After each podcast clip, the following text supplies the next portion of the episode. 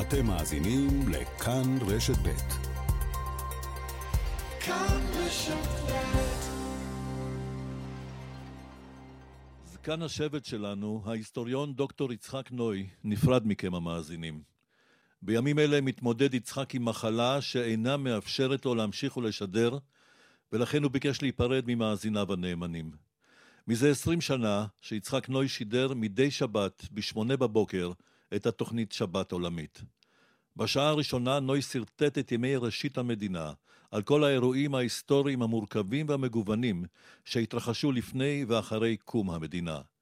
כמו כן, ניתח בעזרתם של מומחי התוכנית אירועים היסטוריים מרחבי העולם. כל שבוע הוקדש לנושא היסטורי אחר. בשעה השנייה, נוי קיבץ לטובת המאזינים ידיעות רבות ממגזינים שונים מרחבי העולם. ידיעות אקטואליות על אירועים בראש סדר היום של החדשות, וגם על מדע, טכנולוגיה, אומנות, וכל מה שחדש ומעניין והכי מעודכן. גם ידיעות מצחיקות, מוזרות ומפתיעות משכו את עיניו של יצחק, והן הגיעו עליכם המאזינים. יצחק, יליד הארץ, בהתמדה של איש רדיו אמיתי, אסף במשך השנים מאות אלפי מאזינים בארץ ובחוץ לארץ. הוא משדר ברדיו כבר משנת 1965, השנה שבה התקבל לעבודה בכל ישראל. בתחילת דרכו היה קריין חדשות, ושידר במחלקת הנוער את התוכנית המיתולוגית לאם ולילד. בימים אלה יצא לאור ספרו "אחת מהבנות", שהוזמן בשעתו על ידי מרים הרמן, מנהלת התוכניות לילדים. בשנים אחר כך הוא עבר למחלקת החדשות של כל ישראל, ושנים רבות שהוא העשיר את המאזינים בידיעותיו. בריאיון שנערך ממש בזמן האחרון עם יצחק, על ידי הכתב אביעד פוהורלס, נשאל יצחק מה גדול ההישגים שלו. השיב יצחק, אני לא חושב שאני צריך לדבר על עצמי במונחים של גדול ההישגים שלי. אני לא ראש ממשלה או פוליטיקאי. אבל הדבר הכי מפתיע מבחינתי, הוא שבחיי המקצועיים הצלחתי בגיל 80 להיכנס ללבבות של כל כך הרבה אנשים, בני דורי, שמעוניינים לשמוע את מה שאני מספר להם. זה עבורי סיפוק גדול מאוד, שמפצה על דברים פחות טובים. הגשתי הרבה תוכניות לילדים, שההצלחה שלהן הייתה מוגבלת בסך הכל, אבל דווקא אחרי שיצאתי לפנסיה לפני 14 שנה, בגיל 66, זכיתי לימי העדנה שלי. היום אני האיש הכי זקן ברדיו. כאן רשת ב' נפרדת מהמגיש הוותיק ביותר שלה. תודה, איציק, על היותך. אנו מביאים בשידור חוזר את התוכנית נוי לחג.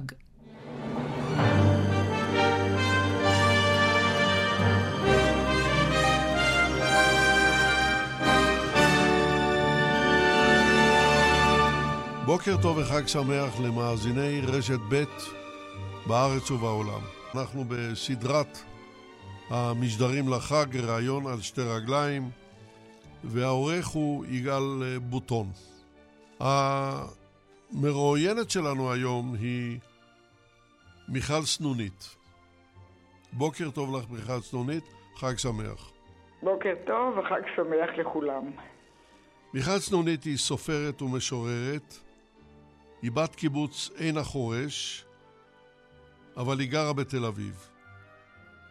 אשתו של צבי אל פלג, זיכרונו לברכה, שהיה מזרחן ידוע וחוקר במרכז דיין באוניברסיטת תל אביב, מומחה בנושא הפלסטיני, שגם כתב על כך ספרי מחקר, בעברו היה מושל רצועת עזה, לאחר מכן היה שנים אחר כך היה שגריר ישראל באנקרה, יש הרבה מה לדבר עליו.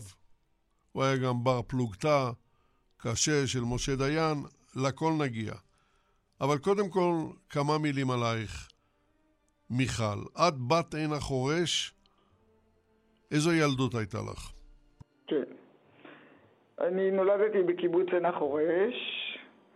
אני תוצר של הלינה המשפחתית. שחלוקות הדעות עליו, אבל בשבילי זו הייתה חוויה מצוינת, ואני זוכרת אותה אך ורק לטובה. זה... הייתי ילדה, תכונה אחת אני זוכרת אצלי ממש מגיל אה, אפס. הייתי מאוד סקרנית. הייתי מסתכלת כל הזמן מסביב על האנשים, על הילדים, על הילדים שגדלתי איתם, ומאוד מופנמת. למרות שהרגשתי טוב, הייתי מקובלת, אבל מופנמת ובעיקר מתבוננת ורושמת. אולי בגלל זה יצאתי לימים אה, משוררת. אז גדלתי בחינוך המשותף עם אה, עוד ילדים שאנחנו נשארנו עד היום ממש כאחים, מאוד קשורים זה לזה. ומלאי אה, חוויות משותפות. את יודעת שהלינה המשותפת לא זכתה ברחבות הימים ליחסי ציבור טובים, אבל את, יש לך דעות מצוינות עליה. לי יש דעות מצוינות, זו הייתה חוויה, פשוט, אה, אני אגיד לך מה אני חושבת בנושא הזה של הלינה. כשאני שומעת שבני קיבוץ שמתלוננים ומשמיצים, אני לא מתווכחת. אני אומרת לכל אחד, תבדוק מאיזה בית הורים הגעת. אני גדלתי בבית מאוד יציב, מאוד אוהב, של הוריי, עם המון אה, נתינה רגשית. ואני חושבת שזה נתן לי את השקט ואת השלווה, אם אני הולכת לבית ילדים, לישון, אם אני קמה, הייתה תמיד דאגה בבית. ומבחינה זאת, אני, אני חושבת שזה נותן את היציבות של האדם בכלל, הילדות שלו, כשבעיקר ההשפעה היא של בית ההורים. ואני רוצה לתת לך דוגמה, אני הייתי בחורה מאוד צעירה, הייתי אחרי צבא, ונתנו לי איזה מספר חודשים לעסוק בסיכום שאלונים של בני קיבוץ י"בניקים מכל הארץ, ויש שם שאלות. אחת השאלות הייתה איזה גורם הכי השפיע, השפיע על ילדותך? בית הילדים, בית ההורים, חברת המבוגרים, אצטרה. 90 אחוז מבני הקיבוץ אמרו שההשפעה הכי גדולה עליהם הייתה של בית ההורים. לטוב או לרע? גדלו אז בלינה המשותפת. הלינה המשותפת, הבנתי, אבל זה היה לטוב או לרע? לטוב. לטוב. תראה, לא נכנסנו לזה, אבל זה, בכל אופן, אולי יש כאלה שיש להם דעה רעה, בעצם על זה לא נכנסנו. אבל ההשפעה של בית ההורים היא תמיד הייתה השפעה מכרעת. ואני באתי מבית כזה שההשפעה המכרעת הזאת עשה, עשתה לי טוב, נתנה לי ביטחון. כן. עד איזה גיל היית בקיבוץ? עד איזה גיל, אנחנו חיינו יחד, בנים ובנות, עד גיל 18, עד שהלכנו לצבא. ואת מתארת את ילדותך כילדות מאושרת. מאושרת, בהחלט. אז איך הגעת לתל אביב, ועוד למרכז תל אביב? את גרה בתל אביב. אני גידלתי גם את שלושת ילדיי בקיבוץ, וכשהתחלתי את פרק ב' בחיי, ופגשתי את צביאל פלג, בעלי השני, אז עברתי לתל אביב. כן, בואי נקדיש כמה מילים לצבי, זיכרונו לברכה. אה, בשמחה. אה, הוא היה, צבי אלפלג, אני כבר הקדמתי ואמרתי, הוא עשה דברים רבים, כולל אה, מפקד אה, או מושל רצועת עזה ב-56, אבל הוא כבר אז הפך לבר פלוגתא קשה, אבל קשה, של משה דיין. מה בדיוק היה שם? וקודם כל אני רוצה לציין שהוא היה באמת בר פלוגתא, אבל זה לא היה עניין של יחסים אישיים. לא היו להם יחסים אישיים רעים בכלל. הכל היה על רקע באמת של הגישה ושל היחס והמדיניות בשטחים. כבר ב-56, אה, שצבי היה שם המושל והיו לו יחסים מצוינים אחרי הכיבוש עם הממשל בעזה, היה לו קשר, היה לנו אחד השבויים, ואני לא זוכרת בדיוק את התואר שלו, איזה גנרל אה, מצרי, מאוד נחשב, ולקחו אותו לסיורים בארץ, ולצבי היה איתו קשר מיוחד, הוא גם היה דובר ערבית, כי הוא גדל בין ערביי יפו בילדותו. ובשיחות שלו, שהוא קיים איתו, זה, עלתה האפשרות שתמורת ההחזרה ישחררו את אה, שבויי הפרשה בקהיר, במצרים. אז בואי אני ארענן את זיכרונך. כן. האיש הזה שאת לא זוכרת את שמו היה הגנרל יוסוף דיגווי. נכון. והוא היה אב בית הדין הצבאי שדן את עצורי הפרשה, הוא דן למוות את דוקטור מרזוק ו... כן, כן. ועזר, ולמאסרים מאוד ארוכים, אה, אנשים אחרים שם. וכשהוא נפגש, הוא, כך רצה הגורל, שהוא היה מושל רצועת עזה, וכך רצה הגורל שעזה נפלה בידי כוחותינו, ומי שנתמנה להיות המושל היה בעלך, צבי אלפלג. צבי, נכון. והם אה, ניהלו אה, שיחות שם. נכון. אחת השאלות הראשונות שהוא שאל אותו הייתה למה הוצאת אותם להורג? למה דנת אותם למוות? והוא אמר לו, אם לא הייתי דן אותם, היו הורגים אותי. מה אתה רוצה שאני אעשה? אתה יודע בדיוק כמוני שהם היו מרגלים. והם היו מרגלים, אין ויכוח. ואחרי איזה זמן, משה דיין שחרר אותו. ולצבי הייתה טענה גדולה מאוד אל דיין. הוא בא אליו ואמר לו, למה? הלא יכולנו לקבל את עצורי הפרשה כבר ב-56, הם השתחררו אחרי 67. אז למה עוד 11 שנה של עינויים? אמר לו משה דיין, אם היינו מחליפים אותם בדיגווי, אז זה כאילו היינו מודים שהם היו מרגלים. וצבי התרגז ואמר לו, חסרות מילים בשפה העברית? לא יכולת לומר שהם לא אשמים, אבל ישראל הם ערבים זה לזה, וכן הלאה וכן הלאה. כללו של דבר, המצרים היו מוכנים להחליף.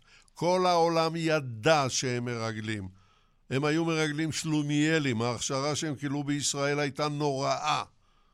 אבל הם היו מרגלים, כתבו על זה בניו יורק טיימס, כתבו על זה בלמונד, המצרים ידעו, כולם ידעו. למה משה דיין שחרר אותו בחינם?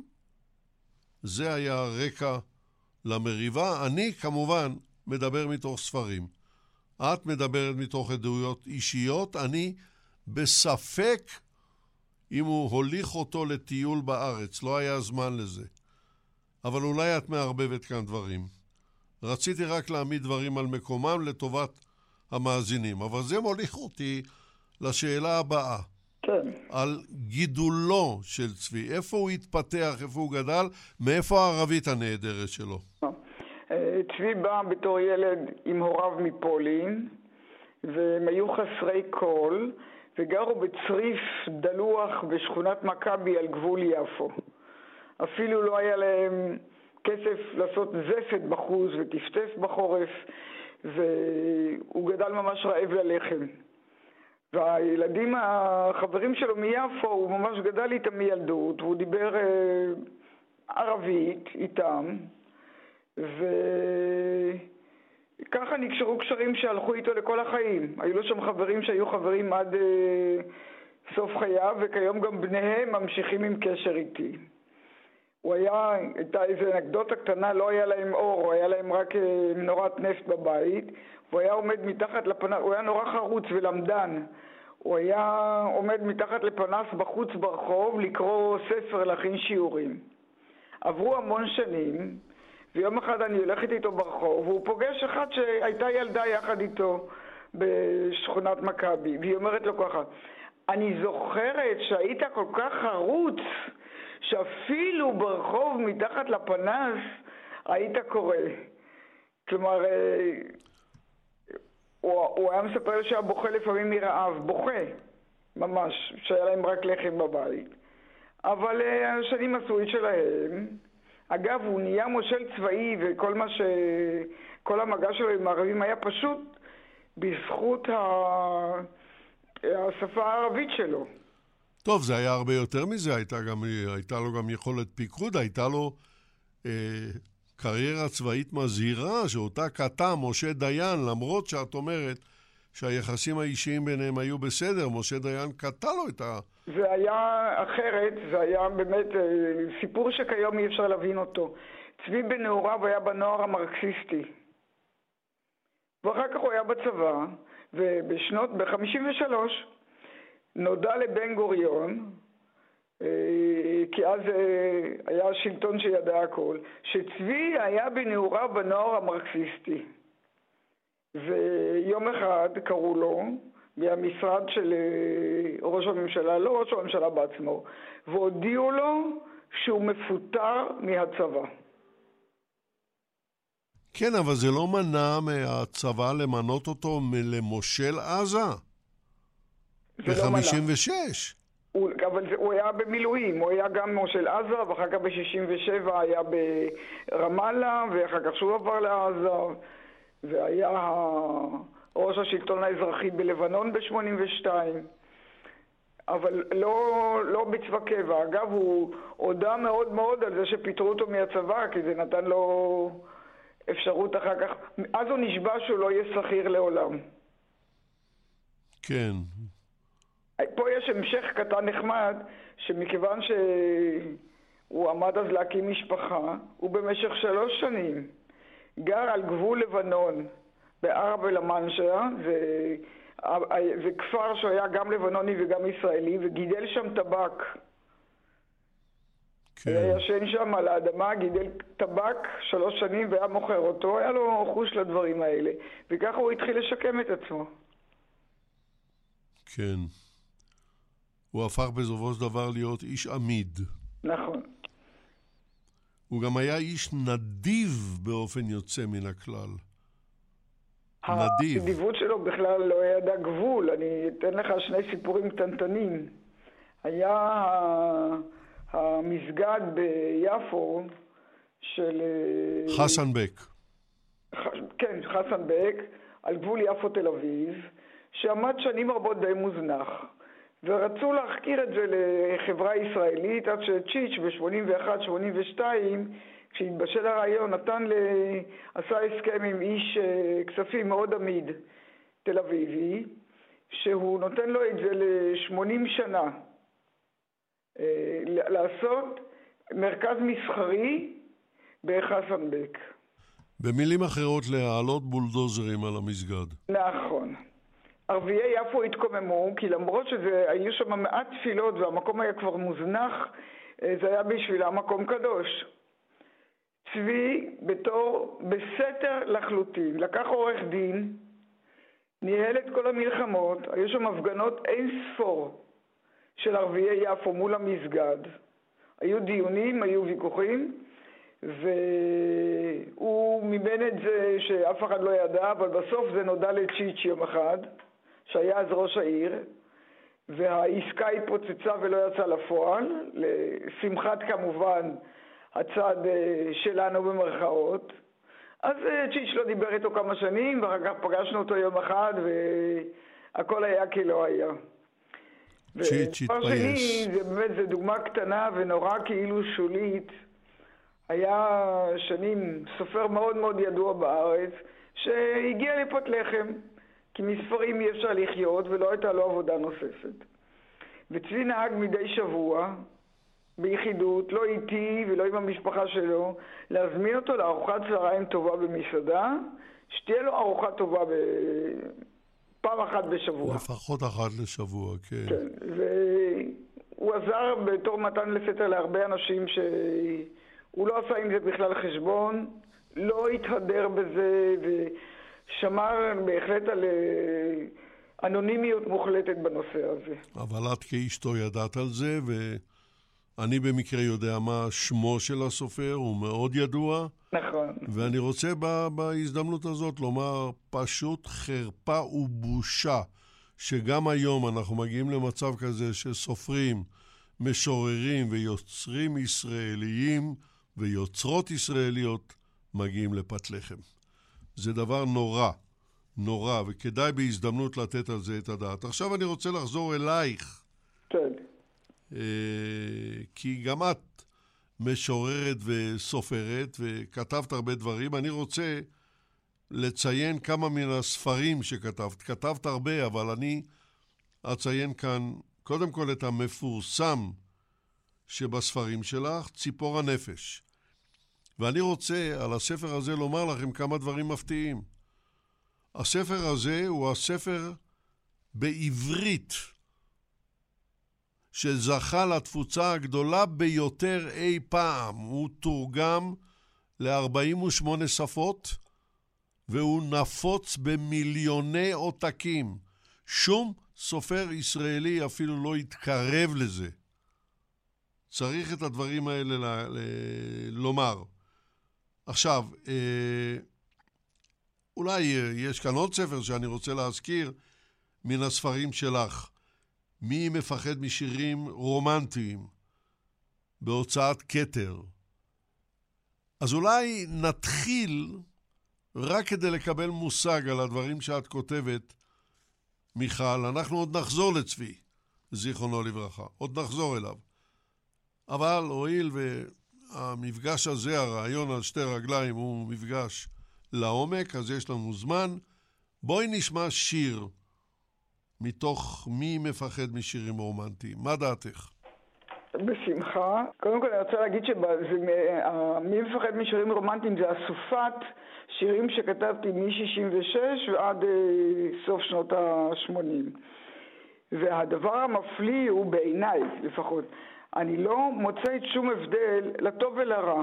בין שירים שכתבתי אפילו בתקופת הצבא שלי לאחר כך, יש טובים יש רעים מדרך הטבע.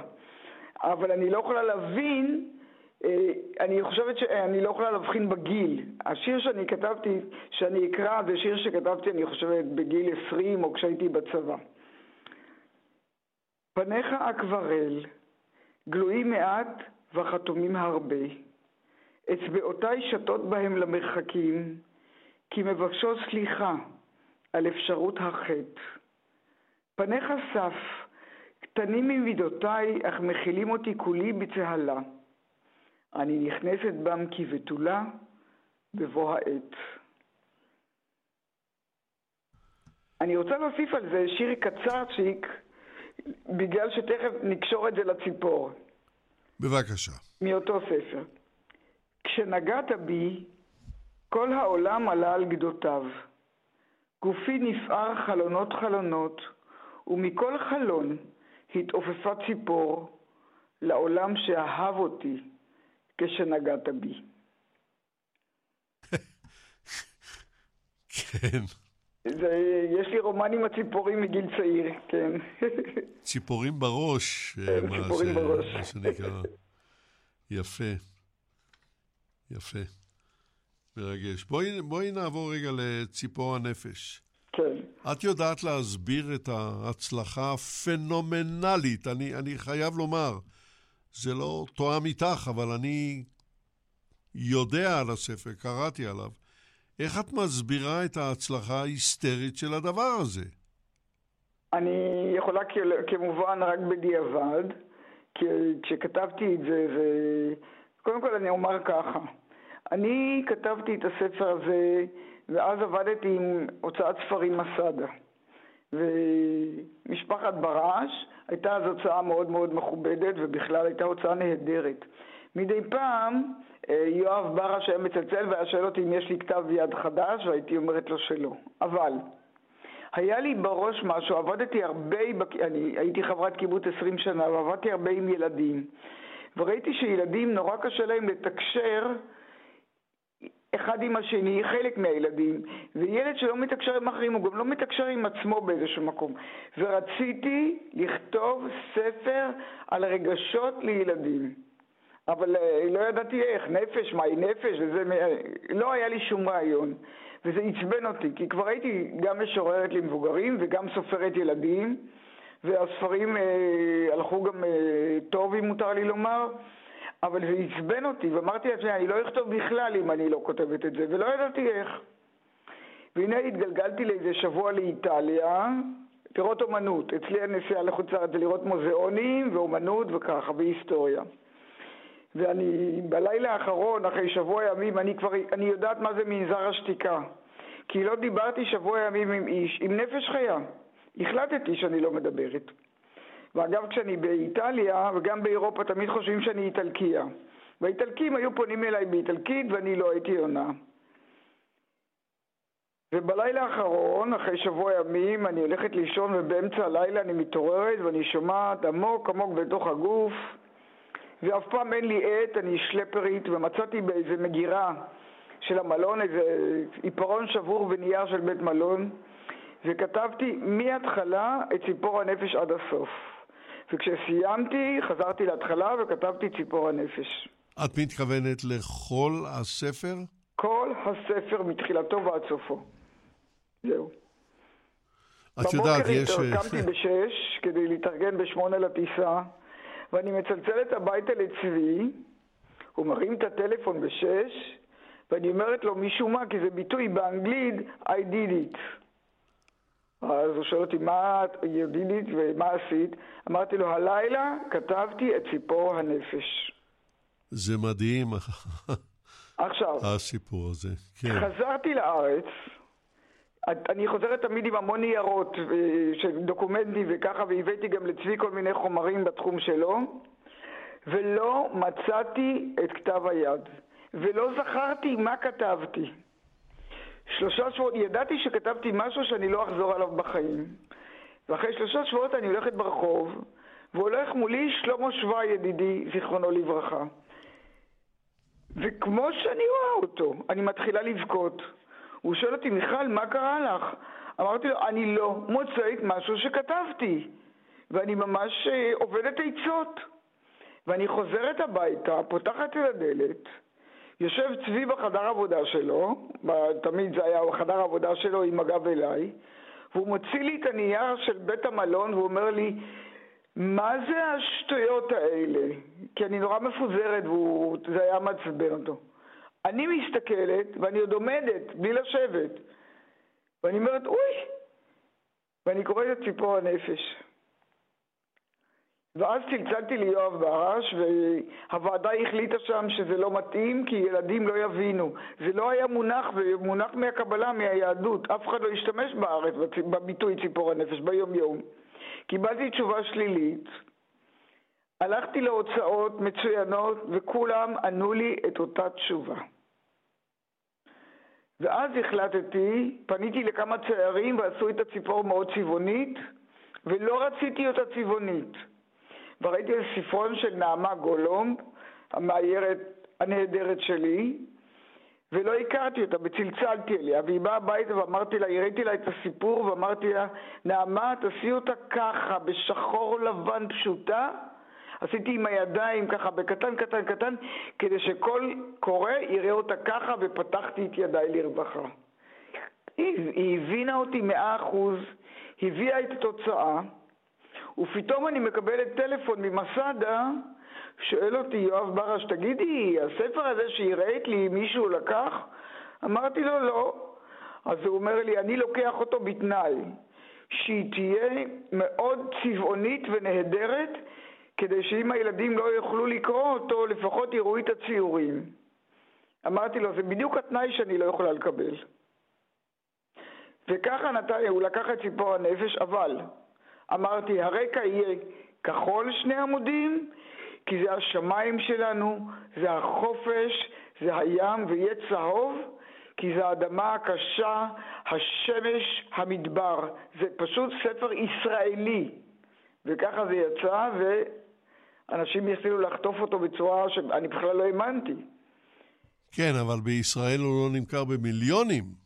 הוא לא נמכר, אבל תראה... איך הוא יוצא לעולם הגדול? אני אגיד לך מה קרה. אני בכלל לא התייחסתי ביח... אז לא היה יחצנות בכלל. בתחילת 85 לא היה יחצנות, זה נזרק לחנויות. אבל מה קרה עם זה? בחנויות המבוגרים התחילו לחטוף אותו. אמרתי ליואב, תיתן לי לפחות מודעה בעיתון, הוא אמר חבל על הכסף. אני לא שמרתי לו את זה לרעה, אני הבנתי אותו. ופתאום המבוגרים התחילו לחטוף אותו, והספר אזל בתוך ימים. ואני הולכת בקיבוץ שלי, כבר לא הייתי חברת קיבוץ, אבל הייתי בא לשם הרבה, ואומרת לי שם איזה בחורה, תגידי, את הוצאת איזה ספר על ציפור? אמרתי, כן. היא אומרת, אי אפשר להשיג אותו בחנויות. אז אמרתי לה, אולי הוא עוד לא הגיע לחנויות.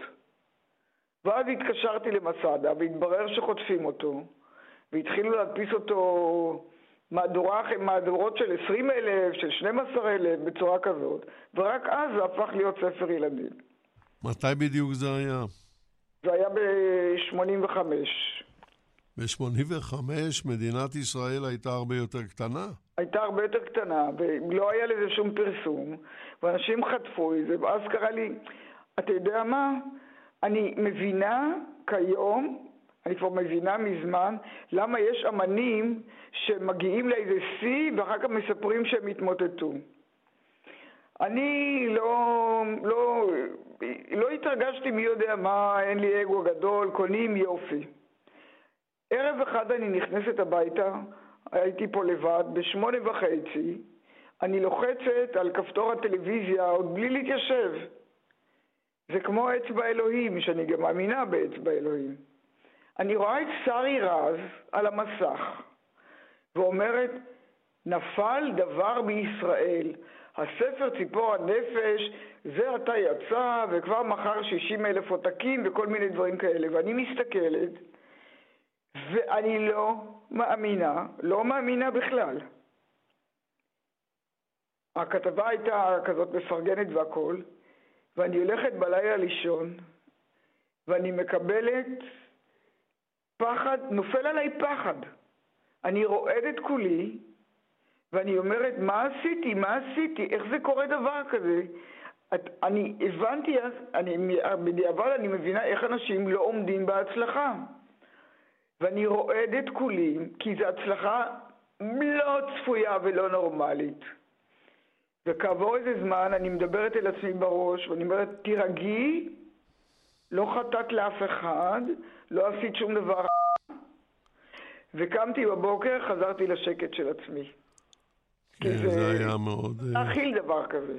מאוד מאוד חשוב. אבל, אבל מיכל, כן. 60 אלף זה לא מיליונים, והספר הזה נמכר במיליונים. לא, אז זה היה, אבל רק כשהוא יצא פה. מה קרה לו עם חוץ לארץ? או. אני יום אחד מקבלת מהמכון לתרגום עברית, שזה שייך אה, למדינה, טלפון שמחפשים אותי מהולנד. רוצים להוציא את ציפור הנפש. מודיעים לי, נותנים לי את הכתובת. אז אני אומרת למכון לתרגום, למי שדיברה איתי, את יודעת מה, אני, אין לי נציגים, אני לא יודעת לעשות חוזים. את רוצה לייצג אותי? מאותו רגע היא התחילה לייצג אותי. וזה באמת יצא בהולנד, ואחר כך יצא בגרמניה, וזה שם, בגרמניה זה עד היום, זה זכה להצלחה פנומנלית. הארץ היחידה שהם לא הצליחו למכור לה בשום אופן זה לארצות הברית באמריקה. כי אמרו שאין ביטוי כזה, soul bread ו soul of the bread וכל מיני דברים כאלה, אין ביטוי. ואז באו אליי מהמכון ואמרו לי, את יודעת מה, אנחנו נותנים לך את הזכויות של הברית של אנגלית בחזרה כי זה לא, לא יכול לתפוס שם, זה לא יכול ללכת. בסדר. אז זה התפרסם במספר ארצות אחרות מ-89. יום אחד אני מקבלת, אני עומדת פה אצלי בבית, באמצע היום, טלפון מלונדון מאיזה מוציא לאור. מיסטר רובינסון. הוא אומר לי, מיקה, שמעתי שיש לך ספר על ציפור, אני מתעניין בו. עכשיו, אני נשארתי קיבוצניקית מהרבה בחינות עד היום, כמו שצבי היה אומר לי עד סוף חייו, אולי תצאי כבר מהקיבוץ. אבל אני אומרת למוציא לאור הזה, לא כדאי לך. אז הוא שואל אותי למה. אז אמרתי לו, כי הספר הזה כבר עבר את כל ההוצאות הספרים הכי גדולות בארצות הברית של אמריקה, וכולם אמרו שאין דבר כזה וכזה. ואז הוא מקשיב לי בנחת, והוא אומר לי, Don't tell me I know better. אל תבלבלי לי את המוח. אל תבלבלי לי את הראש, אני יודע יותר טוב. כן. כן. טוב, הוא שאל אותי, יש לך תרגום לאנגלית? אמרתי כן. היו לי חמישה תרגומים לאנגלית. ארבעה שישראלים, אפילו שלא הכרתי אותם, תרגמו את זה לאנגלית ושלחו לי, ואחד שאני תרגמתי הכי פשוט בעולם, זה סול ברד, נתתי את השם. אחרים נתנו זה דרוורס, זה, זה כל מיני דברים אחרים, אני נתתי, זה סול ברד. כאילו המצאתי. שלחתי לו את חמשת התרגומים בלי השמות, והוא הודיע לי שהוא לוקח דווקא את התרגום שלי, יופי נחמד. אולי בגלל הפשטות הזאת. וזה הופיע שם. אחרי ארבעה, היה באיזה יריד ספרים בלונדון, ואחרי ארבעה ימים הוא מצלצל אליי, הוא אומר לי, מי ככה הוא היה קורא לי, היה לו סלנג נוראי, נורא פחדתי מהאנגלית שלו. אז הוא אומר לי, אה, אני לא יודע, אני ארבעה ספרים, ואני מכרתי עשרת אלפים עותקים, אמרתי לו, מה? וזה לא לילדים. אגב, בחוץ לארץ זה בכלל לא ספר ילדים. זה תמיד על, ה, על הדוכנים של הפסיכולוגיה, וכמו שהם קוראים לזה spirit, mind, body, וספרי נפש כאלה, פסיכולוגיה. פילוסופיה גם. ליד, בגרמניה ראיתי את זה ליד אריך פרום, ליד הספרים שלו, זה משונה כזה. אז אה, אחרי זה הוא צלצל אליי שאני אבוא דחוף ללונדון, ושם היה בכלל בווימבלדון, הייתה איזה, יש יריד כל שנה מאוד גדול. עמדתי אגב ליד אורי גלר וחתמתי כל הזמן. לא הבנתי בכלל את העניין. עכשיו, ב... בארצות כאלה בחוץ לארץ זה בכלל לא המושגים שלנו. הם עושים כזה טררם ואני לא עשיתי כלום. אני באתי, אז אני חתמתי, הופעתי בחנויות ספרים, בכל הערוצים, בכל הצ'אנלס. אבל מה? צבי היה הולך איתי אז, ואני זוכרת שבאתי להתראיין ב-BBC. ואני, בכוונה אני שומרת מאוד, אני מתלבשת מאוד מאוד פשוט והולכת ככה ממש אה, לגמרי, לא, אני לא אוהבת את הבלגן הזה של לבלוט והכל, שמצטלמים וכולי. ואני יורדת איתו במדרגות לאולפן, ופתאום אני מסתכלת עליו, ואני קורצת לו, ואני אומרת לו, מקיבוץ, אה? ומאז הייתה בדיחה שלנו כל השנים, כשזה היה באיזשהו מקום עם הצלחות גדולות. אמרתי, ופה אני רוצה להגיד, לחזור לחדר הוריי, אני גדלתי עם שני אנשים מאוד צנועים, לא קיבלתי אגו גדול, להפך, אם היה לי קצת משהו הייתי מקבלת איזו דפיקה על הראש. מאוד שמרו על פרופורציות ואני מודה להם, וגם לחברה הקיבוצית שבה גדלתי. שהאגו נשאר קטן, יודעת את מקומי כמו מקומו של כל אדם. ואם מישהו אומר לי, יו, את כתבת, אני אומרת, כן, אני כתבתי, אבל כל אחד בא הנה, עושה את תפקידו והולך הלאה, ו... וזה אמיתי אצלי, וזה, אני ממש מודה לבית ההורים שלי ולמקום שבו גדלתי. זו הייתה כמובן הקדמה, כי עכשיו אנחנו נשמע שיר מתוך ציפור הנפש, נכון? מהעמוק עמוק בתוך הגוף שוכנת לה הנפש. איש עוד לא ראה אותה, אבל כולם יודעים שהיא קיימת. ולא סתם יודעים שהיא קיימת, יודעים מה יש בתוכה. בתוך הנפש, במרכזה, עומדת לה על רגל אחת ציפור. ציפור ושמה ציפור הנפש. והיא מרגישה כל מה שאנו מרגישים. ועוד אף פעם לא נולד אדם שאין לו נפש. כי הנפש נכנסת לתוכנו ברגע שאנו נולדים, ולא עוזבת אותנו אף לא פעם אחת, כל עוד אנו חיים. אה, עד כאן, אחר כך זה ממשיך, שהיא עשויה מגירות מגירות, וכולי וכולי. כן. אז אה, אני רוצה להגיד לך, הספר הזה מצוטט ומשתמשים בו המון בלי להשתמש בשם שלי בחתימה. אז זה יכול היה לעצבן אותי, אבל זה לא. אני רואה בזה כמחמאה, כי זה הפך להיות כאילו נחלת הכלל. והאנקדוטה שקרתה עכשיו, לפני כמה שבועות, יש תוכנית שאני אוהבת להסתכל עליה, זה חתונה מיואבת ראשון בטלוויזיה הישראלית בערוץ 12. הזוג הראשון שמפגישים שם זה שני אנשים שפרק ב' בחייהם קרובים ל-60. והאישה שהיא לא מכירה את החתן המיועד כותבת לו מכתב, מתנה יום לפני החתונה. והוא, אני יושבת בבית ואני מאזינה, כי אני מתה על התוכנית הזאת, הוא מקבל ממנה מכתב. שלום, אני אשמח להיפגש איתך, ואז כל המכתב זה מתוך ציפור הנפש, כאילו היא כתבה אותו. ושלום ולהתראות וכולי. טוב, אני מסתכלת, אני די המומה, כי היא לא חתמה את שמי, ואז אני מתחילה לקבל זרם של טלפונים, ובפייסבוק, ובוואטסאפ. ובכן, כתבתי למחרת ככה, לכל אה, אלה שדאגו לזכויותיי. אה, ואמרו לי שאני גם אבקש מהם אולי אה, התנצלות מהטלוויזיה. אמרתי, לא ולא. אני רואה בזה מחמאה גדולה, שהספר הזה שייך לכולם, וכל אחד עושה בו מה שהוא רוצה. אז אה, זהו, סתם סיפור קטן. נפלא. זה סיפור קטן גדול. אני, אני רוצה, מיכל, אה, ברשותך, לחזור איתך לרגע לצבי, זיכרונו לברכה. הוא היה השגריר שלנו באנקרה, כן, בירתה של אה, טורקיה. והיחסים אז היו טובים, והוא הוא פיתח אותם עוד ועוד. מה קורה באנקרה?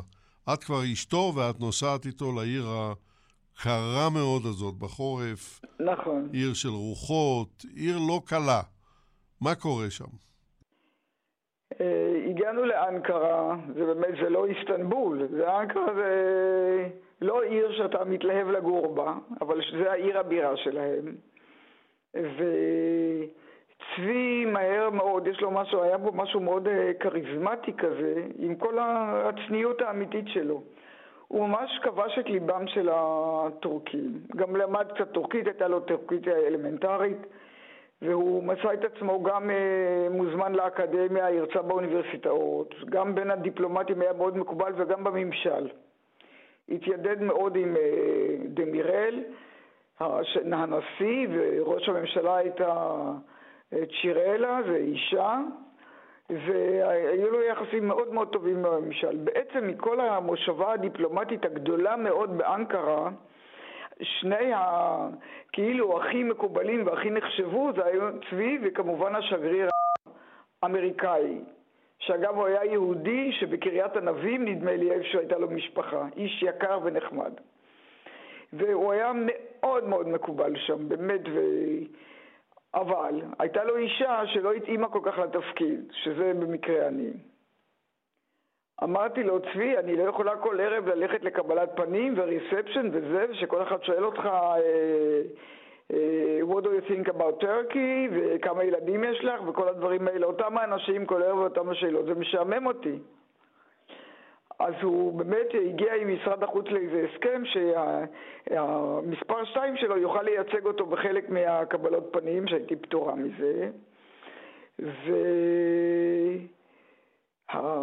בעצם ההתמסרות שלו לשגרירות הייתה מהבוקר עד הלילה. הוא היה באמת רתום כולו לנושא הזה.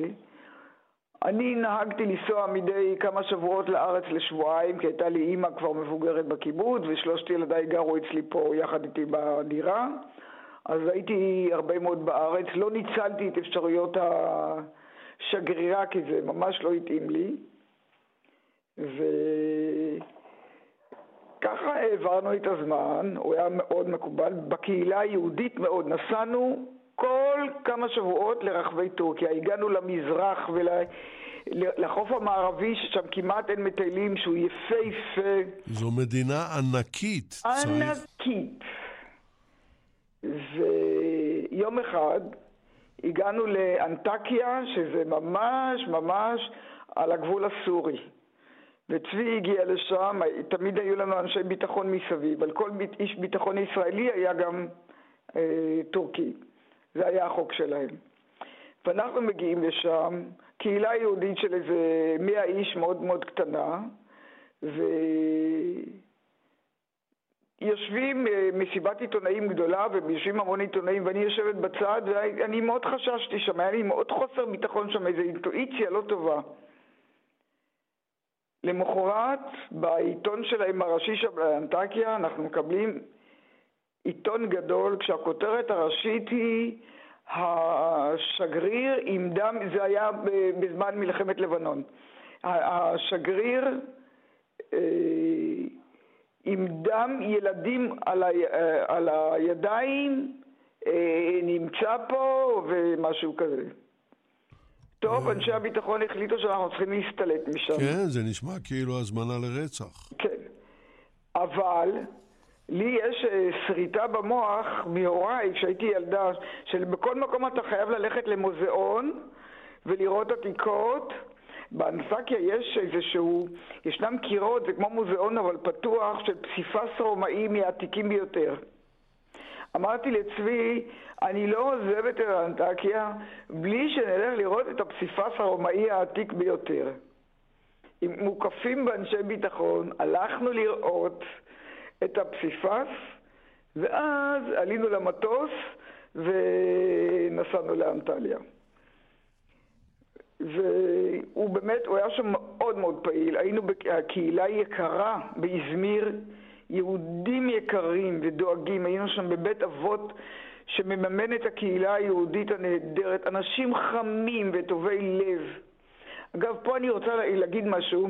כשהיינו באנקרה כבר איזה חודשיים, באו לראיין אותי מהטלוויזיה הטורקית. אני לא אהבתי שם את התקשורת, אבל הם, האמת היא שהם די רצו אחריי.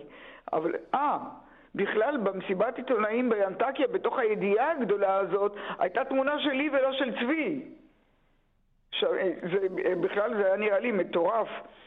אבל כשבאו לראיין אותי בבית ב...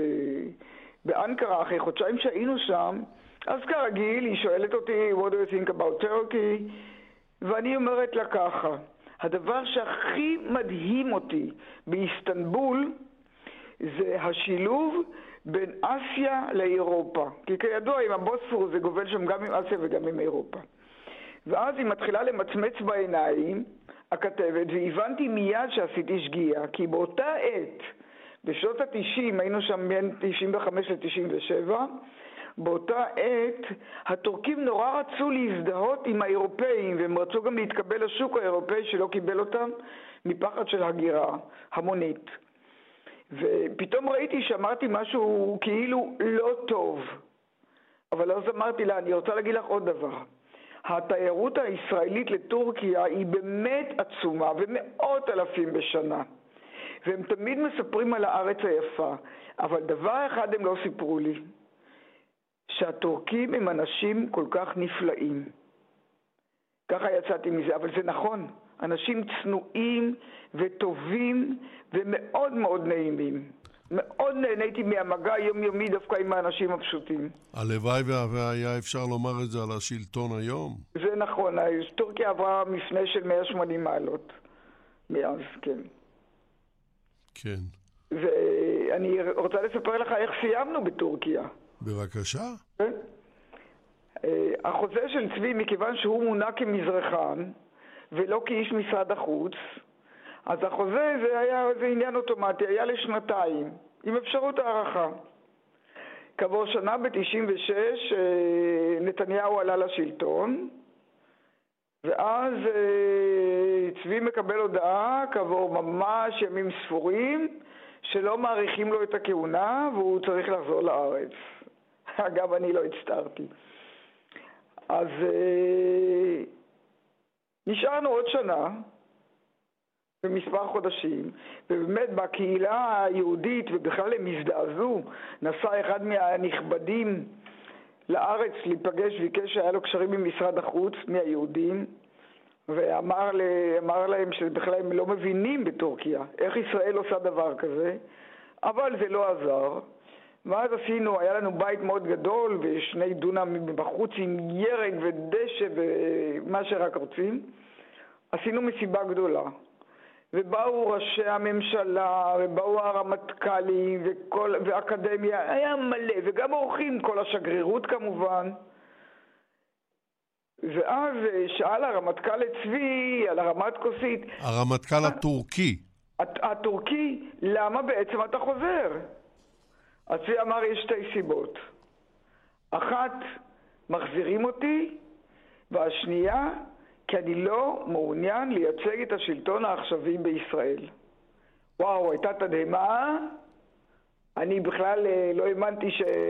אבל הוא העיף את זה החוצה באומץ, ואחר כך כולם מחאו לו כפיים, וזה היה הסוף, וככה חזרנו. מיכל, הסיפורים האלה מופלאים. אני הייתי רוצה, אנחנו מתקרבים לסיום, אבל הייתי רוצה עוד שיר, אם אפשר, מציפור הנפש? אני לא רוצה מציפור הנפש, כי אני רוצה לקרוא שיר אחר. מתוך מה? שהוא מתוך הספר שלי שאהבה נפשי. בבקשה. מכיוון שיש בו מוטו שחוזר אצלי, יש מוטיב על נושא האבא שלי, תסביך, ה... התסביך שלי אבא. כן. בלילה הכחול ההוא. בלילה הכחול ההוא ירדתי על ברכיי וביקשתי את פני אבי בים הכוכבים.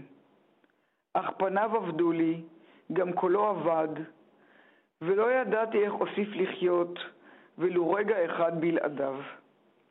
בלילה הכחול ההוא, כשירדתי על ברכיי, אמרה לי אמא, למה את מתעקשת להעלות את נשמותינו באוב?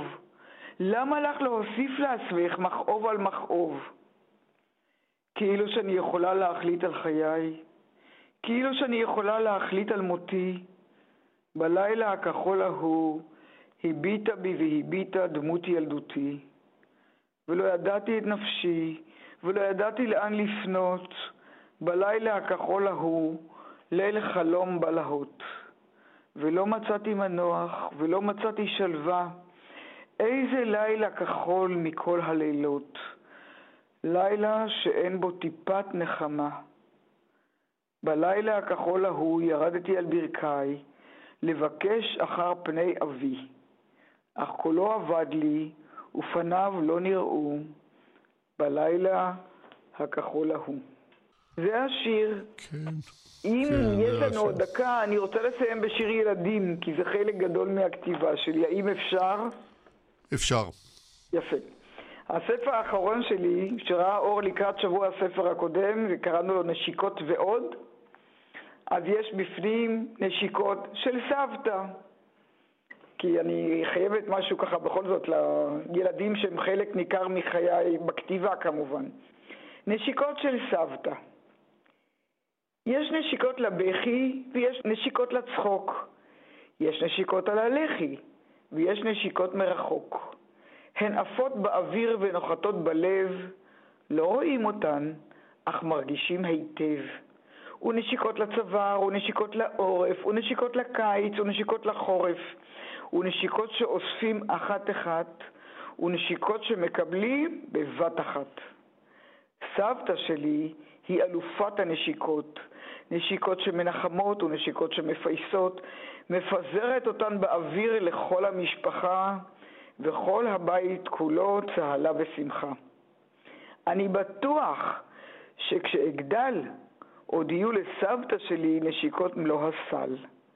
וגם כשאהיה בן 200, הנשיקות של סבתא שלי ירדו אליי מהשמיים.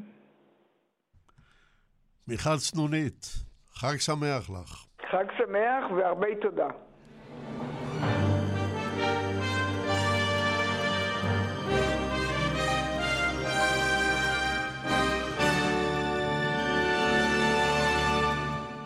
זהו, חברים וחברות, הגענו לסיום במסגרת אה, סדרת משדרנו לחגים, ראיון על שתי רגליים. היה לנו עכשיו אה, ראיון נחמד, נפלא הייתי אומר, עם המשוררת והסופרת מיכל סנונית. הביא לשידור יגאל בוטון, אני יצחק נוי. חג שמח, שמרו על הבריאות.